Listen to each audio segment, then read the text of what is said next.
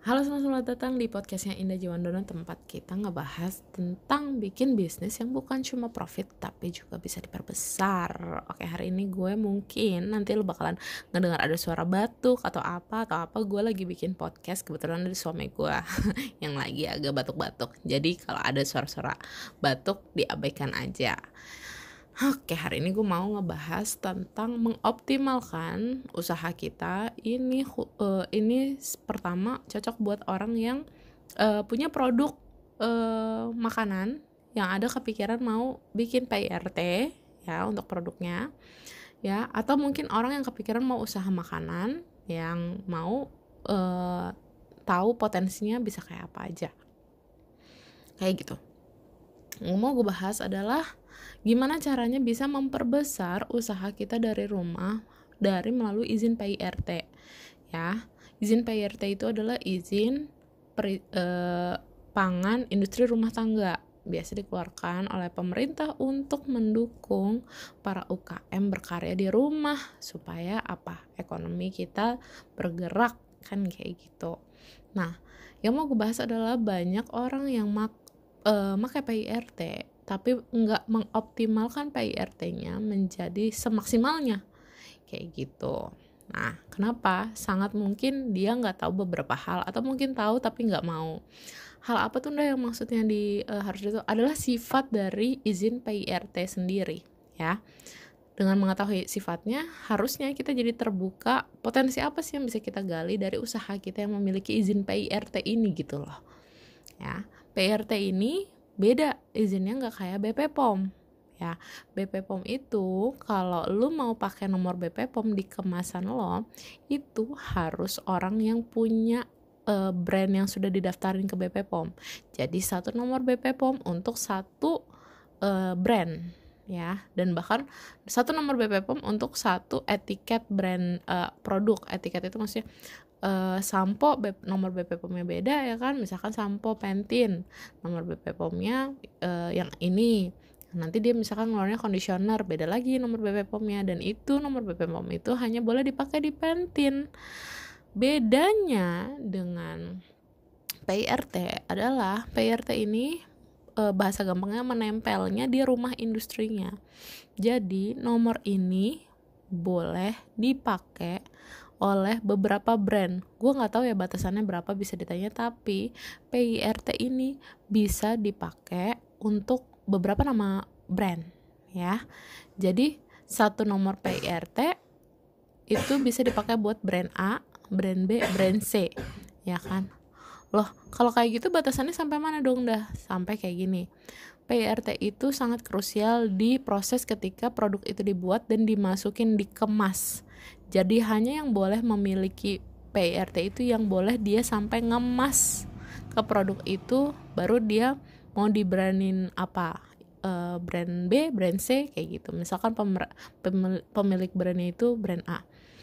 Nah, yang harusnya bisa membuka pikiran lo adalah info seperti ini bahwa berarti ada hal yang bisa lo expand dari usaha uh, rumahan lo yang punya izin PIRT kebanyakan orang dia membuat oh gue bikin nih. Oh gue bikin resep selai terenak di dunia. Kata dia kayak gitu kan. Habis itu oke okay, berarti gue mau maju. Gue harus iniin PIRT biar selai terenak yang hanya gue doang yang membuat ini bisa tersebar. Itu yang sering terjadi ya. Karena gue paling the best dah. Selai gue paling the best gue harus PIRT kayak gitu. Jadi akhirnya apa dia kemudian dapat izin PIRT untuk kemudian dia pakai sendiri. Sering kan kejadian kayak itu jadi dia punya PIRT padahal bisa banyak brand. Dia hanya untuk brandnya sendiri. Karena dia merasa kalau misalnya gue udah the best gue harus gue sendiri yang paling the best kayak gitu.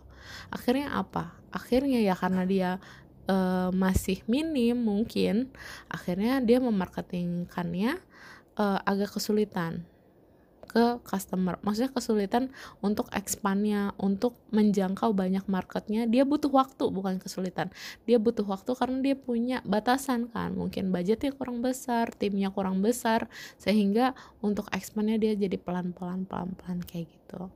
Nah kalau lo otak bisnis harusnya lo itu mengoptimalkan apa uh, kelebihan-kelebihan yang lo punya kalau memang lo punya izinnya PIRT harusnya lo juga terbuka peluang buat orang yang mau rebranding produk lo ya.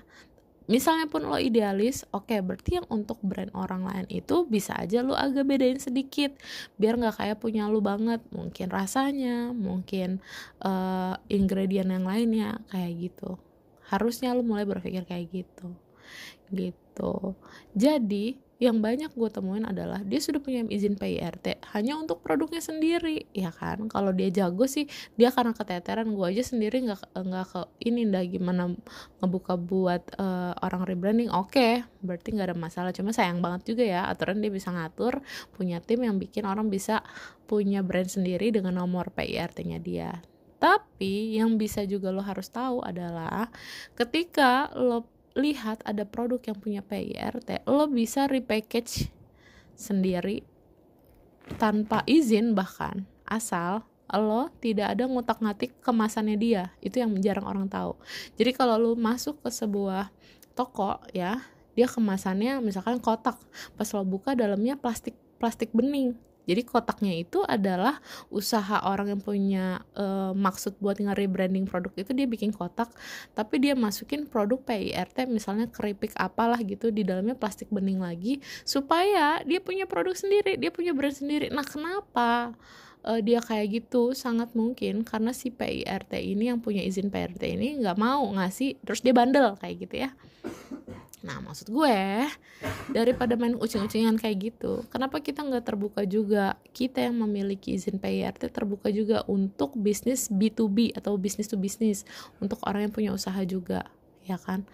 Apa jadinya kalau kita terbuka uh, dan mau optimalkan pertama, kita mau optimalkan apa yang kita bisa ini hal kayak gini yang seru kayak gini ini ini orang yang punya BP POM nggak bisa lakuin loh nggak bisa cuma PIRT UKM yang bisa kayak gini. Nah kenapa nggak kita optimalin? Gue punya satu sampel yang real banget yang gue suka banget sama orang ini. Dalam arti gue nggak kenal ya dia siapa tapi maksudnya gue nggak pernah ketemu langsung di satu acara tapi iklannya seliwuran dan ketika gue simak ya ketika gue simak oh dia pinter banget. Dia pinternya gimana?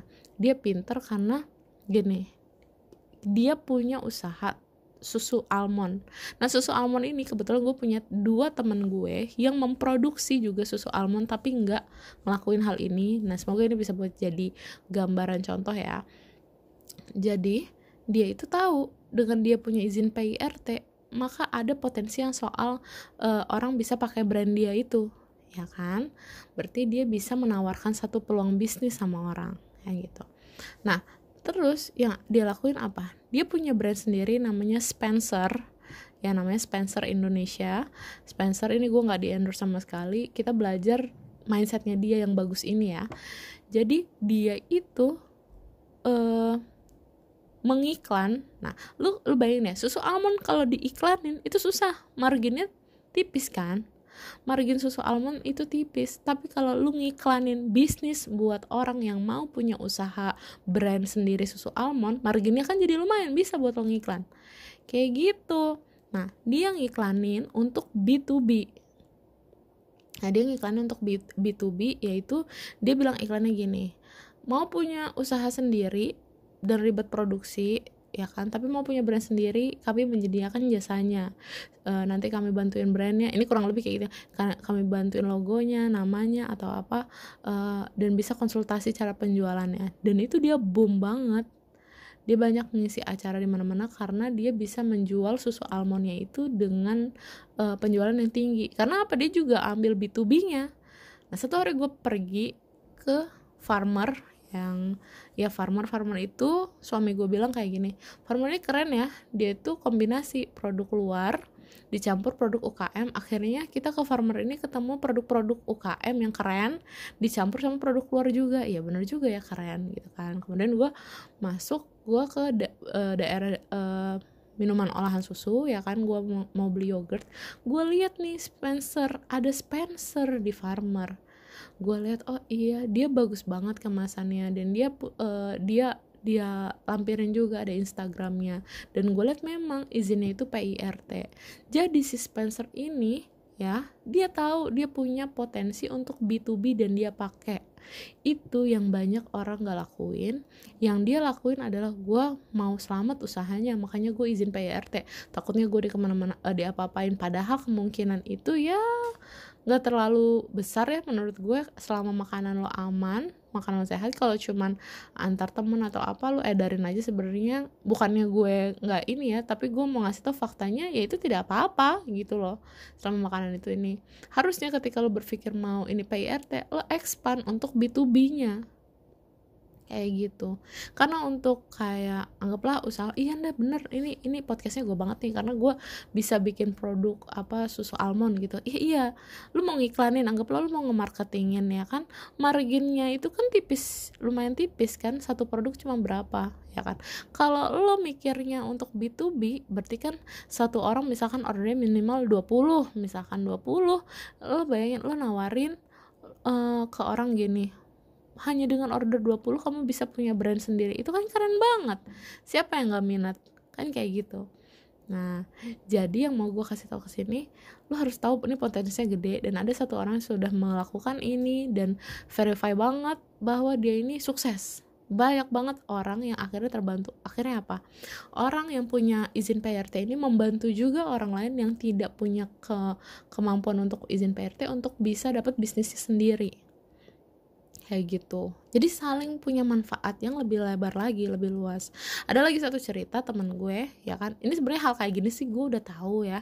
Udah tahu lama makanya gue ngajarin teman-teman gue terdekat aja yang emang uh, apa yang emang mau punya bisnis tapi gue lupa. Gue biasanya ngeliat sudut pandang dari orang yang mau mulai bisnis tapi nggak punya modal. Gue bilang lo lo kemas ulang aja PIRT gitu kan.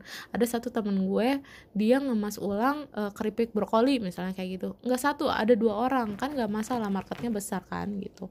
Jadi gue kayak udah tahu ini tapi sudut pandang gue adalah untuk orang yang mau punya bisnis tapi nggak ada modal. Nah padahal salahnya gue gue punya teman yang dia produsennya. Berarti ada ke depannya dia mau punya izin PIRT dong. Nah gue lupa ngebahas ini bahwa sebenarnya lo bisa expand di B2B nya gitu ya di B2B nya lo expand ya kan? Ini sebenarnya apa aja? Susu almond ini contoh yang nyatanya. Lo bisa cek sendiri itu Spencer itu dia keren ya kan? Dan lo harus tahu pola dia keren itu sangat bisa lo tiru gitu lo keren juga lo juga jadi buka buat usaha lainnya. Ya kayak kemarin ada teman gue datang dia bisa membuat madu untuk diet gitu kan. E, walaupun nggak boleh dimention kalau kita bayar itu nggak boleh ngasih tahu ini madu diet enggak gitu kan. Tapi kan bisa undergroundnya lo kasih tahu ini ada manfaat dietnya lo gitu kan ketika marketingin gitu. Atau ada teman gue yang punya ini produksi uh, ini loh lemon sari lemon. Ternyata itu juga buat diet gitu kan mereka mereka ini adalah gue lupa ya kalau yang lemon kayaknya udah ada PIRT gitu kan. Punya potensi membantu orang lain lagi juga untuk nge bisa ngedapetin bisnisnya. Kan berarti saling tolong saling membantu kayak gitu kan. Nah jadi lo kalau misalkan yang punya pikiran untuk bikin satu usaha yang izinnya hanya membutuhkan PIRT maka PIRT aja. PIRT aja karena nggak ada masalah itu sangat membantu membantu lo buat kemudian expand di B2B-nya jadi kesempatan lo tuh sama besarnya sama gokilnya gitu loh Nah, buat tadi yang gue bilang, kalau misalnya untuk uh, rebranding gimana? Bisa. Jadi lo lihat ada orang yang misalnya punya izin PIRT, itu lo bisa rebranding. Pilihannya dua. Lo kalau lo masih jajal, berarti lo pakai batchnya kecil atau skalanya masih kecil, lo rebranding 1 2 3 produknya atau 10 misalnya kan masih dikit. Lo nggak usah izin menurut gue it's okay nggak apa-apa kan lo nyoba doang gitu kan. Kalau lo calling produsennya mungkin dia bakalan kayak uh, ini orang baru order 10 aja ngomongnya udah gede kan kayak gitu ya. Jadi lo bisa uh, coba aja dulu rebranding sendiri tapi ingat lo nggak boleh merusak kemasan dari dia punya ya. Jadi misalnya lo lihat ada yang udah PIRT tapi kemasannya masih putih ya kan? Dan dia brandnya masih ala kadarnya. Dikeletekin aja brandnya nggak apa sisa yang putihnya. Ya tapi uh, lo tulisnya belakangnya di gini diproduksi oleh PT yang punya uh, eh, apa CV yang punya nomor PRT itu dikemas ulang oleh nama lo. Itu buat orang yang mau punya bisnis tapi belum punya modal besar. Kayak gitu bisa caranya ya. Tapi kalau buat temen-temen nih yang punya udah punya usaha yang udah tahu kalau usaha gue tuh butuh izin PIRT coba mulai pikirkan untuk bisa B2B-nya bisnis to bisnisnya. Jadi lo menjual uh, menjual uh, produk lo buat orang yang mau mulai bisnis sendiri itu B2B namanya kalau lo kurang paham. Kayak gitu. Gimana? Mulai ada insight? Nah terus gue nyediainnya apa aja? Ya lo kalau misalkan nawarin orang buat bikin brand ya lo bantuin dia dari hulu ke hilirnya. Dari mulai dapet uh, desainnya dari konsep jualannya gimana. Bahkan lu kasih tahu nih customer tuh kalau misalkan nanya kayak gini kayak gini kayak gini kayak gitu. Ya akhirnya orang juga terbantu sambil belajar kita semua jadi pinter kita semua jadi seneng kita semua jadi punya banyak duit. Kayak gitu oke? Terima kasih ya gitu aja sih podcast gue gila gue ngomong udah kayak nge-rap kayak gini nih ya. Semoga bermanfaat. Kalau bingung lo bisa masuk ke website gue www.indahjiwandono.com di situ juga gue banyak artikel yang nanti ngebahas tentang ini biar bisa lebih dalam lagi. Dan juga ada forum dan ada kelas yang bisa lo ikutin. Makanya masuk ke indahjiwandono.com bye bye